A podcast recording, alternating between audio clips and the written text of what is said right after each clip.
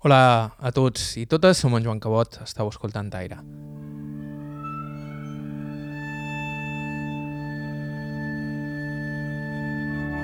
No era del tot estrany, però tampoc gaire habitual. Sí, el contraband era un negoci perillós, però era poques vegades que hi hagués morts.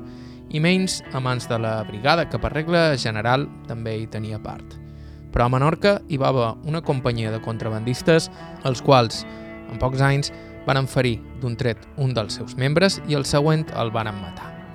Aquest és en Desiderio, en Desi, que era ja tot dos vespres. Així recorda la nit del mort. Nosaltres feien així, això era com un coberxo, diguem, perquè poliscava. I era un dissabte de, de Pasco, era un dissabte de Pasco, i poliscava.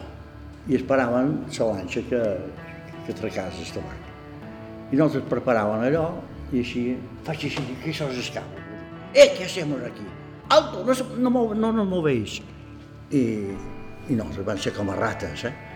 allò feia un forat i van anar cap a dins el forat aquell que sortia dalt, un altre que va sortir a l'altra banda, i a nosaltres, el grupet que eren, no va passar res, però hi havia un grupet de l'ou que eren un poc més amunt, i un, quan s'inventem que hi havia la van avisar, perquè el transbord no havia començat a feina i, i llavors ja venia carregat. I per avisar allò, que es va descuidar i quan va fugir es va encontrar amb, amb el guàrdia civil i van pillar un tir i van matar. No anaven de bromes, no, no, no. Va ser una nit tràgica pel contraband menorquí, una pràctica ben estesa, com a mínim tant com a Mallorca, i habitual sobretot entre els joves pagesos, que veien en ella una manera de calmar un poc les misèries i treure la cosa endavant. Perquè a Menorca la vida de pagès era fam i feina, com diuen per allà.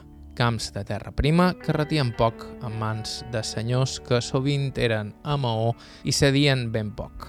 Avui viatjam a Sant Climent, Menorca, per escoltar la vida de José Desiderio Pons, el primer dels dos contrabandistes que vàrem entrevistar allà. Ell va tenir sort, el seu company, en Guillem, va acabar amb un forat a les costelles i un poc més i no ho compta. Estau escoltant Aire a IB3 Ràdio, us parla Joan Cabot. Començam.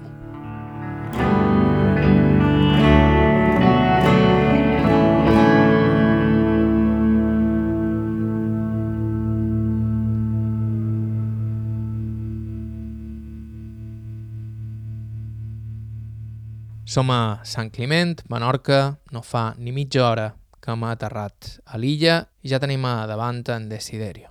El seu nom complet és... Eh, eh, José Pons Camps. I per què vos diuen Desiderio? Que és José Per, perquè a la casa eh, ma mare va, va posar, o bueno, amb els pares me van posar José Desiderio i sempre m'ho havien escrit tot i això. Quan vaig anar a la mili, els militars me van dir que de Desiderio res, que si no era, que si no era apellido, fora.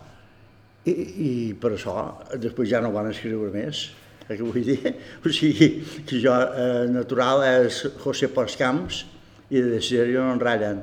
Però en canvi tothom me coneix per en Desi, en Desiderio i tal i qual, sap? I tot això. En Desiderio va néixer el 1932 a Laió i va viure del camp gairebé tota la seva vida. Del camp i del contraband. I per entendre per què va anar al contraband, només cal sentir-lo parlar d'aquella vida de misèria i magró en què vivia llavors la pagesia menorquina. Vaig néixer eh, el, el, el 32, el, el, el 23 de maig del 32. De quan vaig néixer hi ha tanta diferència que no sembla de res amb ara. Quan vaig néixer, vaig néixer dins el poble. Mon pare era caraboner, feia carbó. Després, a poc a poc, va passar al camp, ell va fer pagès, ens van anar del poble, ens van fer dins la guerra, ens van anar a un lloc que es diu Sant Obertí, a Esterma d'Oló. Allà hi van fer quatre anys, llavors ens van, mos van brindar Sant Blanc Nou, que és un lloc que és més bo, més gran, i allà n'hi van fer quatre més perquè va canviar de senyor, llavors no es van venir, diguem, i, i després van anar a una altra banda, a Esterma d'Oló, a Vini Ruet, es deia. Això ja havia acabat la guerra, eh, tot això. Perquè dins la guerra van estar a Sant Obertí, nosaltres. Nosaltres eren sis germans, o sigui, quatre germans i dues germanes. I va fer uns anys, l'any 49, tot que era, que estaven amb un sultanet aquí, i tenia, tenia un germà, jo aquí tenia 9 anys, i va agafar reuma del cor. I tots els fiats, hi havia una passada de fiats després que van tenir reuma del cor. I aquest fiat va agafar reuma del cor i van fer la mare de, de coses i, i van venir diversos doctors, i, però l'any 49, dia, dia 3 de juliol del 49, em sembla que era que es va morir, i està enterrat a l'O perquè no eren naturals a l'O. I aquest va ser el que va anar més malament. Eren sis, ja van quedar cinc, i ara no som més que jo i una germana ja. Era el tercer, però el, eh, segon no, no, va, no li va tocar el viu, pobreta. Amb el néixer va morir. I el meu germà hi va, hi va anar, ma mare va estar per sentir dir, que després se'l duen molt, molt amagat, que els al·lò no podien ser perquè els fiats venien del cel i tot això. Ho vaig saber quan ja vaig ser gros, jo sap? I, ja, i jo som el tercer de la casa perquè hi eren estat set, però van ser sis de vius i, i, i era el segon, eh, figurava el segon, perquè era el tercer, però figurava el segon. Jo tenc dues germanes, la més petita va néixer dins la guerra, que ja és morta, pobreta, ja fa dies. I aquella, i, i aquella eh, com va ser una dona i de fieta igual, duia tots els regirons, diguem, de ma mare, de quan estava embarassada, ara tiraven aquí, com que les bateries s'hi juntaven aquí dalt, quan venien els avions, eh? i això era, era terrible, eh? me'n record bé. I m'ho havien d'anar a posar, eh, deien, per anar bé hauríeu d'estar eh, a uns estables posant, que eren de pedra dins les portallades, o si hi havia un forat o una barraca, anem mos amagant dintre. No posar les cases grosses que els, que els avions poguessin veure que allà hi havia unes cases, saps què vull dir? Coses així eh, i era un sofriment, eh? i me'n record bé. I aquesta germana sempre va ser molt poruga i molt de tot. Poruga no que sempre se rigirava de tot.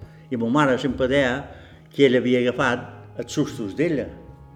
Que quan ma mare estava embarassada, tenia aquesta, estava embarassada d'aquesta fieta, i ara tiren bombes a, a Mo o, o a l'O, allà on sigui, i, i i, i la fiata, tot allò ho agafava ella, saps vull dir? Quan va néixer, sempre tenia por de tot, i allò ho dua de néixer.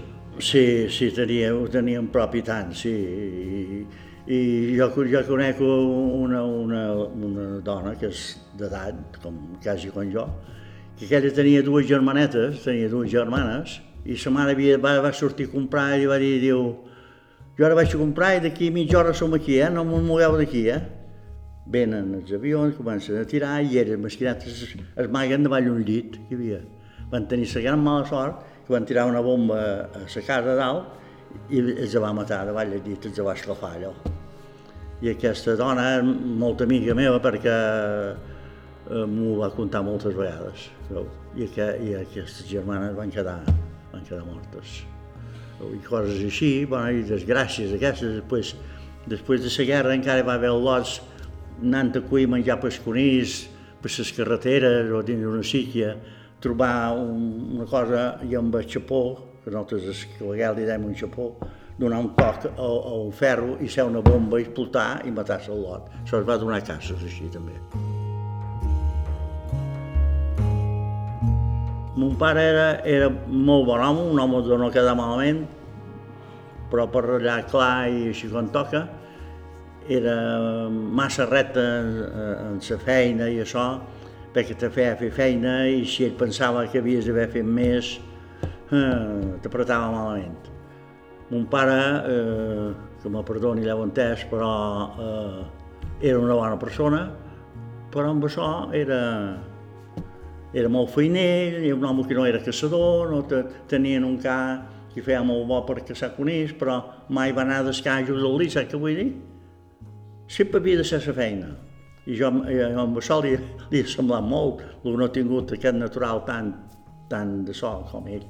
Ma mare era més, més de sona, però era molt bona dona i, i feia molt per la família, per els al·lots i per tot. Bé, viure del camp no se sembla de res amb ara, no hi havia, no hi havia màquines, tot s'havia de fer a base de mato, cavar roques, que, que era un pecat si, si vostè, per exemple, era pagès d'un lloc prim, com a Montsotanet, que té molt, molt de prim per aquí, havien d'acabar la roca, perquè si no ja no cuien blat, aquell temps anaven de blat, perquè el que feia més falta era espai, i el blat i tot això. I les roques havien d'anar ben acabades, si un pagès deixava una tanca sense acabar roques ja era carticat. bueno, era una vida de desespero perquè havia molta fe, havies de fer molta feina amb això, que li dic. Aquells llocs eren molt serios perquè la feina no retia i havies d'acabar totes les roques, si no, eh, si, eh, eh allò feia, perquè la roca aquí damunt fa un rolos, diguem, de terra, el més és penya. Allò, si no acabaves, allò era erm, i ja podies tirar blat a dintre, que blat no ho feia. Ho havies de posar puntat, havies d'acabar tot allò, i el dia que tiraven el gra, després allò ho remenaves, i allò ja es tapava i ja naixia. Coses així. El blat, tot el que podien de blat, feien blat. El blat era com un contrabando després, perquè si els senyors podien treure blat del lloc, tot el que poguessin, on anava molt, hi havia els estropel·listes que deien, aquell temps, que compraven blat per fer estropel·lo, per, per tornar-lo a vendre i tot això. Eh? I nosaltres aquí van tenir, ara ja és mort i la família són morts tots ja, no, amb el sotanet, com van estar amb el sotanet aquí, me recordo que una vegada el senyor era molt, perquè el senyor, perquè vostè ara fos de Silla, ho era conegut, un tal, un tal Pancho que, eh, que era, i va tenir un fill que va ser alcalde de Mont. I aquest senyor era molt bon senyor, però, però era molt, molt simpàtic, molt de tot. I me recordo que un dia ve un vespre, que nosaltres sopaven, i me diu, que ja bateu blat, blat l'amo. Diu, mira, diu, avui ha estat el primer dia com que batien a bísties després encara, no hi havia màquines, batien a pota. Diu, miri, diu, avui ha estat el primer dia que hem batut blat. Diu, jo demà me l'heu de fer net i a les 12 de la nit vindrà fulano o tal, un, un taxista que havia molt, que era molt, que anava molt de blat, ja, diu, té un fort, i li el fort, diu que jo aquest blat ja el tenc cobrat. O sigui, això ja anava així. Aquest senyor era riquíssim perquè va tenir una quantitat de finques a tota Menorca i va quedar pelat perquè va ser, era un qui no n'hi dues prou mai, sap? Vull dir? Va, va passar tot per, per espaner. Sí, aquest, aquest sí, perquè jo encara no havia vist mai com vaig venir per aquí, per exemple, havien estat a llocs de per mig, com van venir aquí, hi havia dos dies que eren, ja va venir amb una, amb una jove, i a veure si li volien donar aigua per beure perquè la jove tenia set, un mare, sí, sí, se preocupi que vol res més, no, no, i, i ja van estar per dins la cera a les fosques i nosaltres ja vam, vam veure què és això tan raro que va el senyor. Tot era el mateix, sap? Famílies i dones i a davant i venga, i, i ara aquesta i ara aquella, i tot sabia. Després va arribar al final que es va casar, va tenir dos fills, no sé si va tenir dos fills i una filla, no ho recordo prou bé. I bueno, res era un derrotxe que seva, i, i va quedar derrotxat tot. Els senyors, la majoria de senyors no tenien carrera, com avui en dia els fills i tothom té carrera, i vivien de les finques. I, i, i què passava? Que sempre apretaven els pageses, que vull dir, bueno, encara no tens patates, encara, com cada, quin dia podràs batre, ja podré blat a vendre, que després era com un contrabando el blat. El pagès se, fe, se pagava la meitat de tot el que hi havia a la finca, o sigui, de bestiar. I era meitat de, de l'amo i meitat del senyor. I quan eh, se n'anava d'aquella finca, passava uns estimadors, tant des qui entrava com si s'ho quedava el senyor, un estimador de cada banda i aquells feien estrato i deien això val tant i tant. I, per exemple, si una vaca valia en aquell temps eh, 500 duros, pues, eh, quasi sempre eh, l'estimador de l'amo que sortia, que era que tenia la vaca, era el que li posava el preu. I l'altre, si li semblava car, pues, eh, no, jo so, pues, hem de llevar tant, i, eh, i ho col·locaven així, tan bestiar de cabresta com tot. Després no hi havia màquines, no hi havia cap màquina de res al camp, i se feia tot a mà, i tot eh, a baix de... Si era segar, segar a mà, els trossets plans ho segaven amb una, amb, una, amb una bístia i una màquina antiga d'aquesta per segar, per segar blat, per segar ordi, i jo, que era un fiat, ja m'anava la màquina perquè vaig començar a semblar nova, a anar a la màquina i, i devia tenir set anys, o, i el blat, els plans ja, ja m'anava d'altres caps, saps què vull dir? Jo era més petit que el blat. Veu? I ja vaig començar així. És que feina, feina de tornar-hi, quan van començar a fer feina de tornar, ja tenia 14 anys, jo tenia, per exemple, coses de bestiar, aquesta, ara bens, ara cabres, ara vaques, anem a anar i ajudar a munyir. Sé que ma mare havia d'anar a fer feina i coses, i ja m'aduen a una escola. Però després, com mon pare va fer pagès, ja no vaig poder anar a escola, perquè quan just vaig poder anar d'Altonasa i carregar mel de gerres de llet per dur l'olor, havia de fer dues hores per anar i dues per venir. I el primer dia que me, me van dir, quan siguis, quan t'hagis duit la llet a un puesto que li a Camp Patricio, fer-me assar a Cas Ferrer i te'n vas a escola. Me recordarà sempre d'això. I ja no hi vaig tornar, perquè quan vaig arribar a escola, els al·lots eren a recreu. I hi havia, per cert, que era, que era de mallorquina, una, maestra, una mestra. I com a me sembla que la veig ficar perquè la coneguda tots i diu i tu també has de jugar a futbol ara? Dic, dic no senyora, dic jo me passa això i això, la casa som al camp, he fet dues hores d'autonasa per venir, i, i antes havien de munyir i tot això, duia la llet a Can Patricio i això, i jo arrib tard. Tu que trobes que són hores ara i els al·lotges són a recreu i que vespre, què has de fer? Que és que vespre ja té que ser a casa per tornar a partir, a replegar vents i cabra, hi havia molta marina i dic, i, i no podré venir. Jo, jo plorant i vaig dir això, vaig arribar a la casa, em diuen com ha anat a escola i vaig explicar això. Ma mare diu, jo he ratllat amb ella i li diré que tu a escola no hi pots anar. I jo havia d'anar a la mili i no sabia res. Però aquí hi havia, per cert, que estava una casa al costat o l'altra estava. Hi havia un mestre d'escola que vivia aquí i nosaltres, que, que ja vam, vam venir cap a Sant Climent, aquest, aquest temps ja estem a Sant Climent, en un lloc que es diu Mossotanet, al costat del casino de Sant Climent. I li vaig dir, per favor, senyor Llorenç, m'hauria de fer una hora almenys d'escola cada dia, jo li pagaré el que sigui, perquè m'entenc que anar a mili i no sé fer una O un got. I estic afrontat, perquè no sé, havien estat un fora, nosaltres al poble i tot això. Bé, no, no ser cap pena. Bé, i aquell senyor me va arrencar. Vaig fer una hora amb ell, jo hi vaig posar molt d'interès, no és que sàpiga res, diguem, com aquell que diu, de vora que s'hi han estudiat, però me defensava ja, saps què vull dir? Ja, ja, ja posava la firma, ja ratllava de coses, i això ha estat la vida meva. I després, la manera d'anar vestits, pues, molt malament, perquè no hi havia doblers per comprar de que un concu de mon pare o un germà de l'avi ens donaven un sau o ens donaven unes abarques i mon pare de trossos de goma que havien tirat de cotxos que allò no sabia com em podien dur, perquè jo encara me recordo dins les xiquies de les carreteres tiraven gomes cobertes de so de cotxo que estaven tan gastades que tenien un forat així. Jo pensava, com ho poden dur això? Mon, mare, mon pare feia trossos d'allò i, i amb fils de ferro m'ho feien unes abarques i duen les abarques aquelles. I els al·lots, jo primerament de sedes, sedes i talls de vent, allò era un desastre perquè anaven mal vestits. Després se sembrava molta col borda per, per bestiar, per les vaques. Qui, qui anava a cuir la col borda? Pues al·lots, l'al·lot. Jo era el que cuia col borda. I anava a xoc tot el dia perquè ja té unes fugues així i eren planes d'aigua. Quan anaves a rompar la fuga, aquella ja quedava xo. I això era la vida dels al·lots de fora de poble, si estaven un poc fora que no podien anar a escola ni podien fer res, i feien això.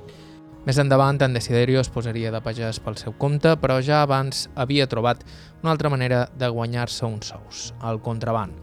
Estau escoltant Aire i Vetres Ràdio. Fem una breu pausa i continuem.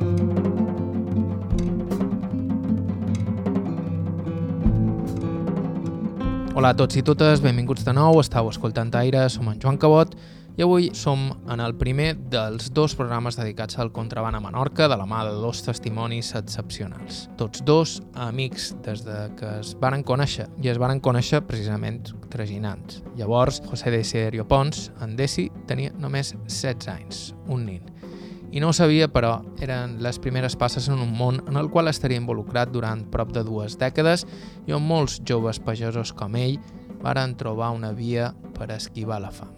Només calia anar viu i, sobretot, no obrir la boca mai. El contrabando pues, agafaven eh, gent que no, que no fos massa sona, massa xerradora, massa. I això me van agafar i me van perquè nosaltres teníem terreno per aquí, ja vam fer forats per amagar cosa, i perquè aquí hi ha un estable que li deien l'estable llarg, l'estable de les barres, i un senyor que li deien en Rafael Mossullo, perquè diu, aquí podíem fer un secret, i diu tancar dues fileres de, de vigues, dic, i després dic, com, com farien per anar-hi? Diu, destaparien dalt, pot pensar, pendant el que feien. La gent mos coneixia, la gent que anava de so, hi havia un que li deien Rafael Massulo, que li deia Temperico Magat, a Can Rito hi havia, tot això era un... anaven eh, amb això. I bé, ja mos coneixien i, i mos van, agafar, mos van agafar confiança i jo me penso que vaig quedar bé amb això. Aquí a Mossotanek, jo la idea, tenen el buer d'escós, hi ha un, un cos de cavalls que antigament corrien, i hi ha un buer, que és el buer nostre, i, me, i per porta perquè me feien massa renou, me feien així, a nit, el buer, vale? I, i això ja, punto, res. Anaves al buer i trobaves set o vuit o deu homes i partien a peu ja cap a la mà. I allà venia el transbord i mos atracava si era tabac o si era cafè o si era... I mire, de la de la mà, per distanques a les fosques, en l'hivern, i mal calçats que anaven, traginaven, traginaven assaig de 60 quilos aquests. Després les caixes de tabac ja pesava menys perquè pesaven 15 quilos tot cada una. Eh?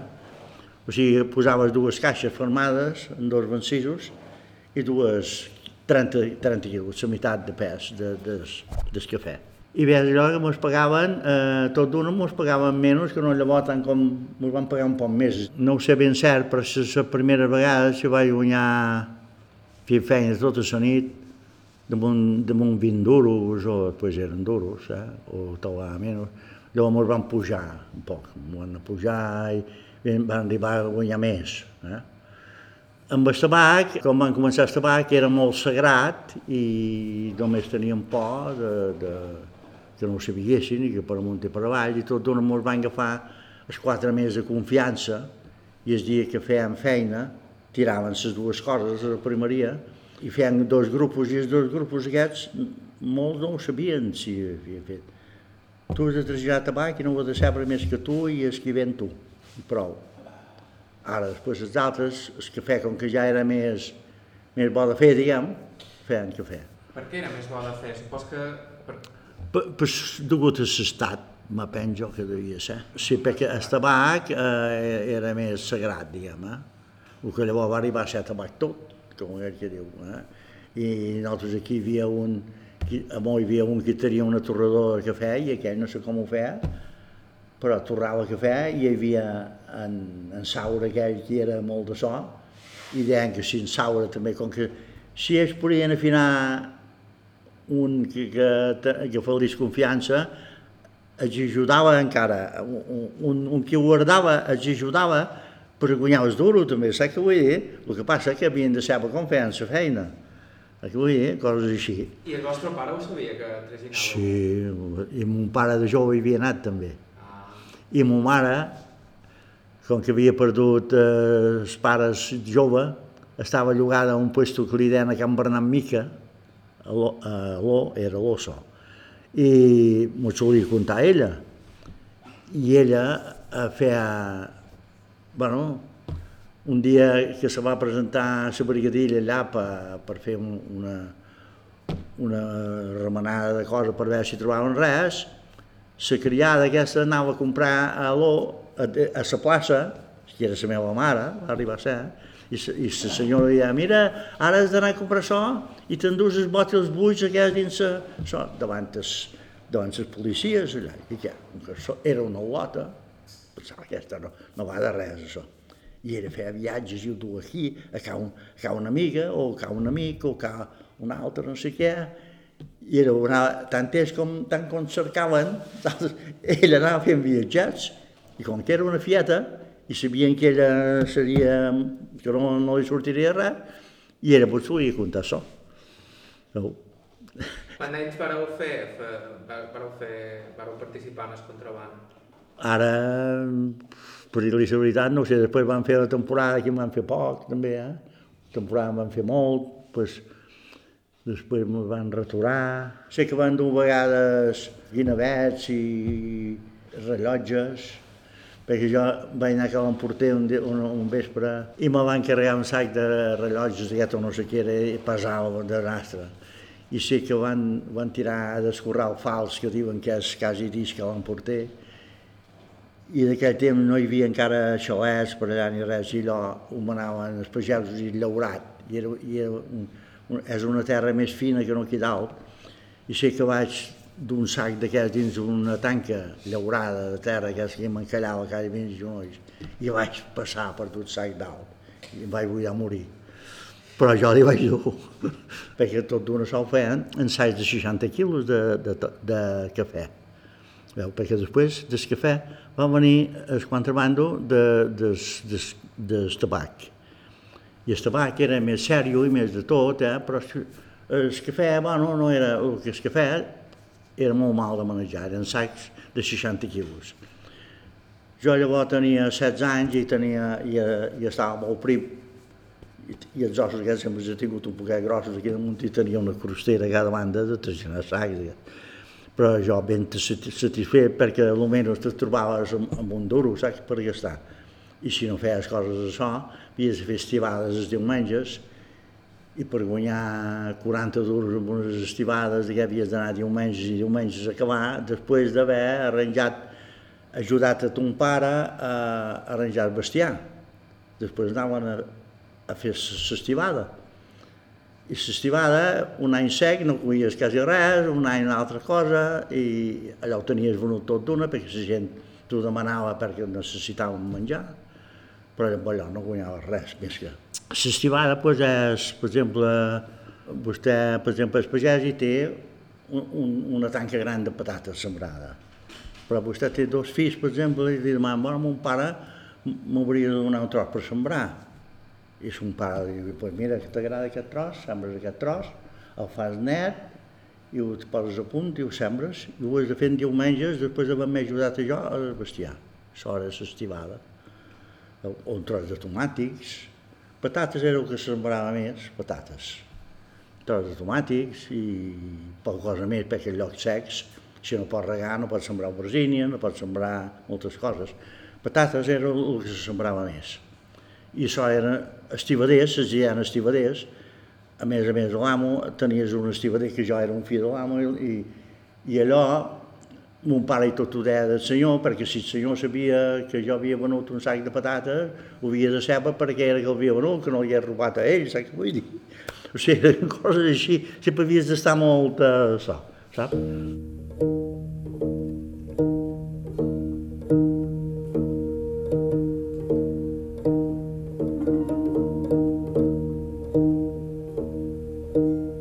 Tant era si havies traginat sacs de cafè o tabac tot el vespre. L'endemà havies d'anar a fer feina com qualsevol dia normal i aguantar-te la son.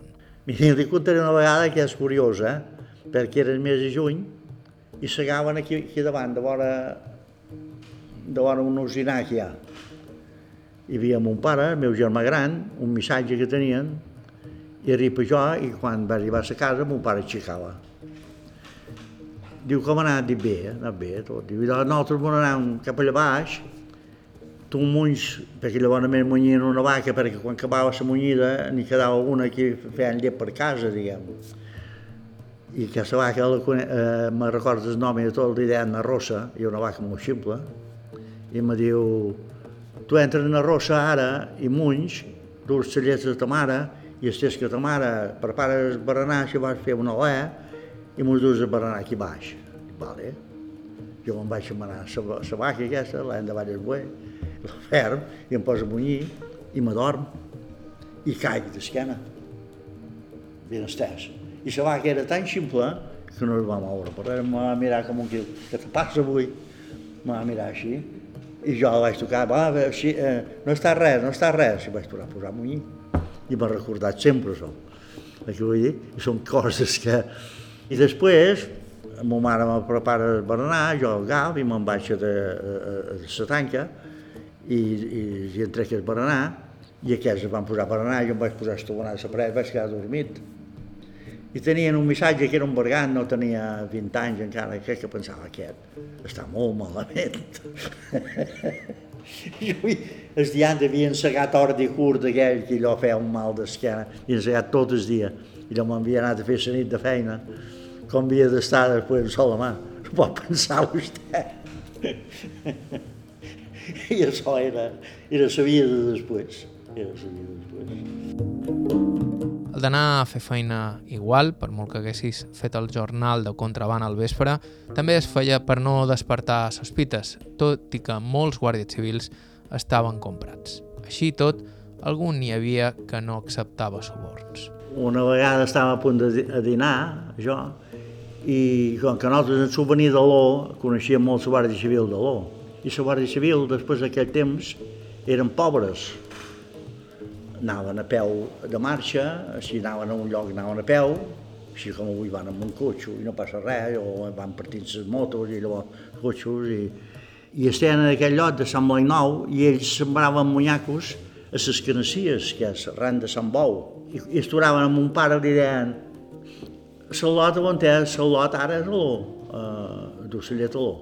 Quan vengui, que, que podrà venir i ens pujarem els munyacos que, que, que haurem cuit o haurem comprat allà baix, i jo me n'anava a les canacies i pujaven els munyacos, aquests, això. Això passant els anys, això que li he explicat eren a Sant Blanc Nou, que estaven al dret de Sant Bou, no, jo. Passant els anys, venim aquí i jo parteix amb el contrabando aquest hi havia qualcú que xerrava, veu, per ganes de fer anar malament, aquest que anava a Sant Bou, hi havia un tal Tecles, que era mallorquí, Sebastià, Tecles li deien Tecles, era un guàrdia civil d'això. Bé, mon pare ja va fer molt de favors a ell, perquè si havia de fer una cosa, jo t'enviaré lot, i res, va bé, aquell temps com que eren pobres, tothom. I la qüestió és que un dia ve, aquí estem a punt de dinar, i jo ja sé, a la taula per dinar, i pum, la Guàrdia Civil en tecles, ja de raro, això, i jo, jo vaig pensar, Dios. I crida mon pare i li deia, Miquel, Miquel diu que podria ratllar amb tu eh, separat, i que diu, sí, eh? per entrar a una entrada, al costat, del mateix pati, van entrar allà dintre, diu, ara m'heu de ser franc, li diu. Diu, tu i jo mos coneixem tant que m'has de dir Salot, com és que va tant de contrabando? Salot era jo. Diu, jo no me n'he temut, diu mon pare, perquè després havies de dir mentides sempre, perquè no podies dir sí, sí, sí, perquè ja estava agafat. Diu, jo no me n'he temut, però pot ser. Bueno, diu, no, ja ho sé cert, perquè m'ho han dit, n'hi ha un que li du idea i té gana de... Diu, i ell fa tant de temps que o Benidalí, o la cala de Benidalí, o, o els canotells, va fa tres setmanes que va fer feines tota la nit. Carai, un pare diu, jo no me'n vaig en tema. Diu, i diu que jo ja sé que estava per dinar, diu que, puc, que, que el podem cridar, i jo arreglaré amb ell, diu, i tu te'n pots anar a dinar, li va dir mon pare. Vale, me crida jo, i aquell home va estar tan, tan amable tot d'un per veure si què, si què, això me diu, tu festeges ve Sant Clement? I sí, eh? Jo era molt jove, jo, diu, deves de casar prest. Sí, no, casar no. Diu, i si nosaltres te donassin 10.000 duros, ja me va arreglar així, diu, tu podries comprar una bona casa i el dia que te casassis ja tindries, perquè les cases de Sant Clement llavors volien 30.000 pessetes o 35, o volien això. Diu, nosaltres donem 10.000 duros. Dic, carai, dic jo, ojalà. I sí que me sap greu. Diu, i diu, penseu bé, tu diguem, per on hem de partir, per agafar cosa, i tu cobraràs ja mil d'euros. Dic, me sap molt de greu, dic, però jo no puc canviar el món, això. Què vol dir que no? Ja va començar a enfadar. I tu que tens por que no te fotin una barrada, ara ja va començar així, me record bé que m'ha dit això de la barrada. Dic, no, jo no tinc por de res, jo no he cap mal a ningú, ni, ni jo ni, ni, ni puc dir res a ningú. I nosaltres estàvem dins una entrada i dalt hi havia les cambres, hi havia plogut molt i tenia sacs de pastilla perquè no es banyassin, ho tenia allà dalt, tenia les gàbies de conills, allà on les conilles feien el conill, dins un caixó que tenien per fer els conills, allò ho tenia ple de, de tabac, tot, i ell era de com d'aquí anar a l'altra banda del carrer, d'un fora de sol. I jo me vaig aguantar allà i quan van sebre després els jefes, que havia tingut això, diu, no hauràs fallat en cap paraula, no va ser cap pena que no fallat. I amb això me van agafar molta confiança, perquè me van apretar moltes vegades, perquè vull dir. I havies de fer l'embustero, perquè no podies dir la veritat mai. Després, quan estava de vora molt, perquè jo estava de vora l'institut molt, a una sínia, quan no van anar de Sant Cremé, em van anar allà. I allà entraven tabac a, a molt, nosaltres i quasi sempre l'entraven en dos o tres amics meus en bicicleta. Eren tres que anaven en bicicleta i un, eh, no, dos que anaven en bicicleta i, i dos que anaven amb una Guzzi, amb una moto aquella. I aquells de Guzzi feien la volta allà als carrers que havien d'anar i quan tornaven deien per passar tal banda i tal banda perquè ara la policia o, o la Guàrdia Civil, els tabacalers són a tal carrer. Tu pots passar per altre i no sé què. Bueno, la qüestió és que jo la primera bicicleta que vaig tenir era d'un barber que hi havia aquí que li deien del Medo i, i anava de tabac jo i vaig tenir, me va demanar mil pessetes de la bicicleta, ja una viatge nova preciosa. Vaig anar a fer una volta a Sant Climent i se me deien, carai, es veu que s'estivada dona, eh? Per una bicicleta. Ben molt si anaven a peu. I aquesta bicicleta, després, passant uns anys, que estem a, a vora molt, duia un sac de, de pastilles de tabac, la brigadilla m'envela una carrera, d'Almó, un puesto que ara diuen el carrer de Sant Manuel, que hi ha una fàbrica que ma pesca està retirada, diuen la fàbrica les gomes, i allò estava com abandonat per allà dalt. I jo anava al carrer de Sant Joan, havia de travessar la carrera del Castell, havia d'anar a un que entrava a tabac a, a, a desbarco llavors perquè comprava menjar per mariners i tot, tot se feia el mateix. I, dins, dins la panera que duia, que duia menjar, davall ben col·locadet, hi havia, i damunt hi havia menjar, arribava els, els, els carabineros, què llevas? Bueno, la comida de cada dia, ellos, ah, vale, vale, passa. I, i, i davall, duia tot tabac tot era la mateixa cançó, sap? Aquesta vegada eren dos, un amic que està per aquí, que anava amb un, amb un sac ple, amb una bicicleta. I aquests ja l'havien encalçat una vegada, i me diu, i nosaltres anàvem un poc en fora un de l'altre. I davant davant hi havia un amb, una, amb seguts, amb una gutsi, i mirava si, si trobava la brigadilla o qualcú, el jeep de la Guàrdia Civil, i, i mos avisava tot d'una. Bé, aquest dia passam, i passam per la carretera de Sant Lluís i el, i el filoter que hi havia desfilat allà, que el filato era, era un vigilant, diguem, de, de l'Ajuntament, que per entrar vostè una dosena d'hores, per exemple, molt, havia de pagar el que fos. Eh? Però nosaltres aquests els tenien comprat perquè aquests fumaven de francs, saps què vull dir? tot, tot, tot era el mateix camí, tot era el mateix camí, saps què vull dir? Diu, el lot s'alerta que ha passat la bergadilla ara. I si s'ha anat cap a Sant Lluís, no passa res. Però si ha agafat el camí d'en Barrotes, que voltava cap al carrer de Sant Manuel, diu, alerta, eh? Diu, feix via. Aquell de segur, sí, es que anava darrere, un poc enrere, amb una bicicleta, parteixen. I jo parteix darrere. I quan som al carrer de Sant Manuel, que allò, aquell temps no hi havia ningú, no hi havia ningú, perquè allò pel llum, hi havia pel magir, i ja veig el jeep aquest que surt del camí del cementeri d'allà i du un llum llarg que ja me fa així cap a... De... Dic, adiós! Dic, jo no puc anar amb aquell, no cap allà. El primer carrer que vaig trobar, que després era com un caminot, perquè ara avui tots són pisos i tot és preciós, per tot allà on li dic ara. Ja fèiem més de amb aquells, agafes el carrer aquest de, de la dreta i per avall, hi havia un forn allà i, i me recordarà sempre, i això era de un mitjanit, i era en l'estiu, i el forner ens tenia un cigarro assegut al portal, i jo vaig pensar, com que no duen llum, tampoc és pixocata, perquè no, no m'ho interessava. Vas com una bala allà davant i allò, hi havia còdols, renou i, es, i aquest que ens tenia el cigarro es va assustar. Diu, carai, podries avisar o tu llum, no sé què. I jo, per avall. I després me trobo tancat, això. I ja me giro, ja veig el jeep que ja gira cap allà on jo havia anat, ja m'havien vist ells. I, I me trobo un tros de caminot i entra allà dintre. I com vaig ser un poc endavant, trobo unes portes tancades i que adiós.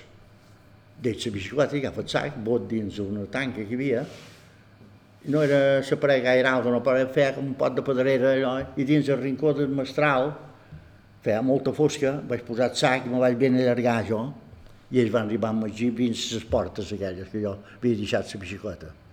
Van quedar allà i no van saber per on m'havia anat jo. I jo estava, pensava, ara estic fotut per aquí, m'agafaran. Perquè no van saber per on havien de partir, me carreguen la bicicleta i no l'he vist mai més. jo, jo agafo el sac, el puix dalt, el post, era dins un figueral de moro, el vaig deixar dalt una figuera de moro, i me'n vaig anar per dir, m'ho cercar aquells. I aquells que me van trobar m'han dit, que tu m'ho fotut tot? Dic, no, la bicicleta. I sa, no m'ho han fotut. I llavors segur si el van... Perquè llavors, com era un lloc que hi havia les crees moreres, i jo me n'anava cap a l'esplanada a cercar aquells, la brigadilla s'atura allà de vora jo, perquè no, no me van conèixer ni, ni, ni mucho menos. Diu, bueno, hasta mañana, buenas noches, i van donar la mà. I jo dic, ah, i si, a què hora, no sé si van dir a les 5, que tenien que sortir a servici. Dic, si es retiren, i jo, encantat, vaig pensar, i vaig passar per mig d'ells, com ara vostè i jo, així vaig passar. I, i se van despedir allà, un va partir aquí per aquí, l'altre per allà, i jo per amunt cap a cercar els companys i els vaig trobar l'esplanada i com me troben, diu, que tu m'ho fotut tot? Dic, la bicicleta segur. Dic, ara el sac l'andarà a dur ara. Diu, no, ara me fan dir, no, diu, que és que s'han despedit ara del servici, que vaig del servici, i que jo passava arran d'ells ara i no, no m'han conegut ni res, perquè no me'n coneixien. Bé, van anar a agafar el sac, enseguts, i llavors ja van dur allà on havien de dur, ja va estar.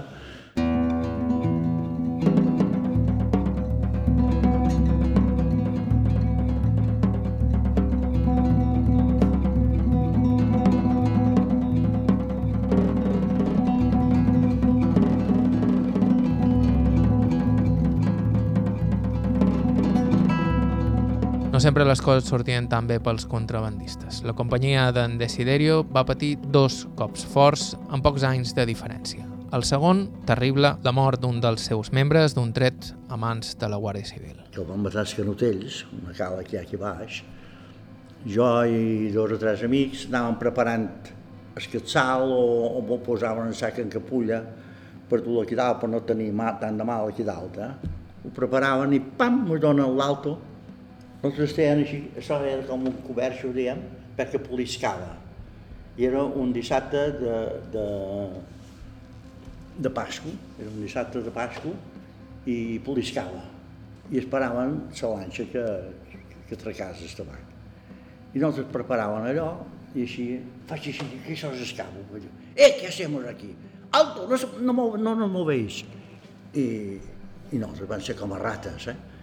Allò feia un forat i van va cap a dins el forat aquell que sortia dalt, un altre va sortir a l'altra banda, i a nosaltres, el grupet que eren, no va passar res, però hi havia un grupet de l'ou que eren un poc més amunt, i quan se'n que hi havia la Guàrdia va anar a avisar, perquè el transbord no havia començat a feina i, i llavors ja venia carregat. I per avisar allò, que es va descuidar i quan va fugir es va encontrar amb, amb el Guàrdia Civil i van pillar un tir i el van matar. No anaven de bromes, no, no.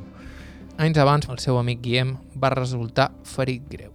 Ho va contar de miracle. El primer dia que vaig anar a fer feina de contrabando, aquest era més, era més jove que jo i anava amb un conco i m'anaven a una somera i trasllanaven a la somera aquella tot, i ell com que era un olot, perquè ell era més jove que jo, i, i en la somera trasllanaven com que ells, el lloc que estaven, Nou, era arran de la mà, tenia molt gran de vorera, feien la feina, dius que ser el mateix. Aquest mesquí no, va, no, no va ser mort per milagre, que dia van envolar un tir, el van ferir i, i es va salvar per milagre i quan va estar bé llavors va estar a la presó. Jo tot això, gràcies a Déu, no, vaig, no me va passar. Però quan eh, jo vaig sentir els tirs, i ell va estar ferit, jo era, no sé com aquell devia haver de metres, però hi devia haver un quilòmetre i mig, estava molt secret els temps, i va sentir els tirs. Els tirs, precisament, anaven per aquest home, en Guillem. Bé, una cosa que no t'ho esperes, una sorpresa, com una crepada. No, no fa cap por. Si ho pots comptar, no fa cap por.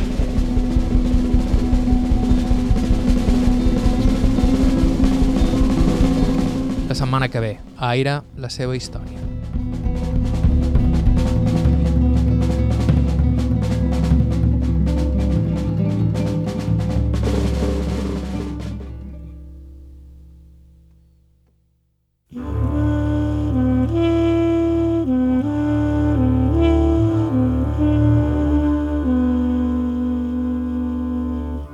Fins aquí el programa d'avui.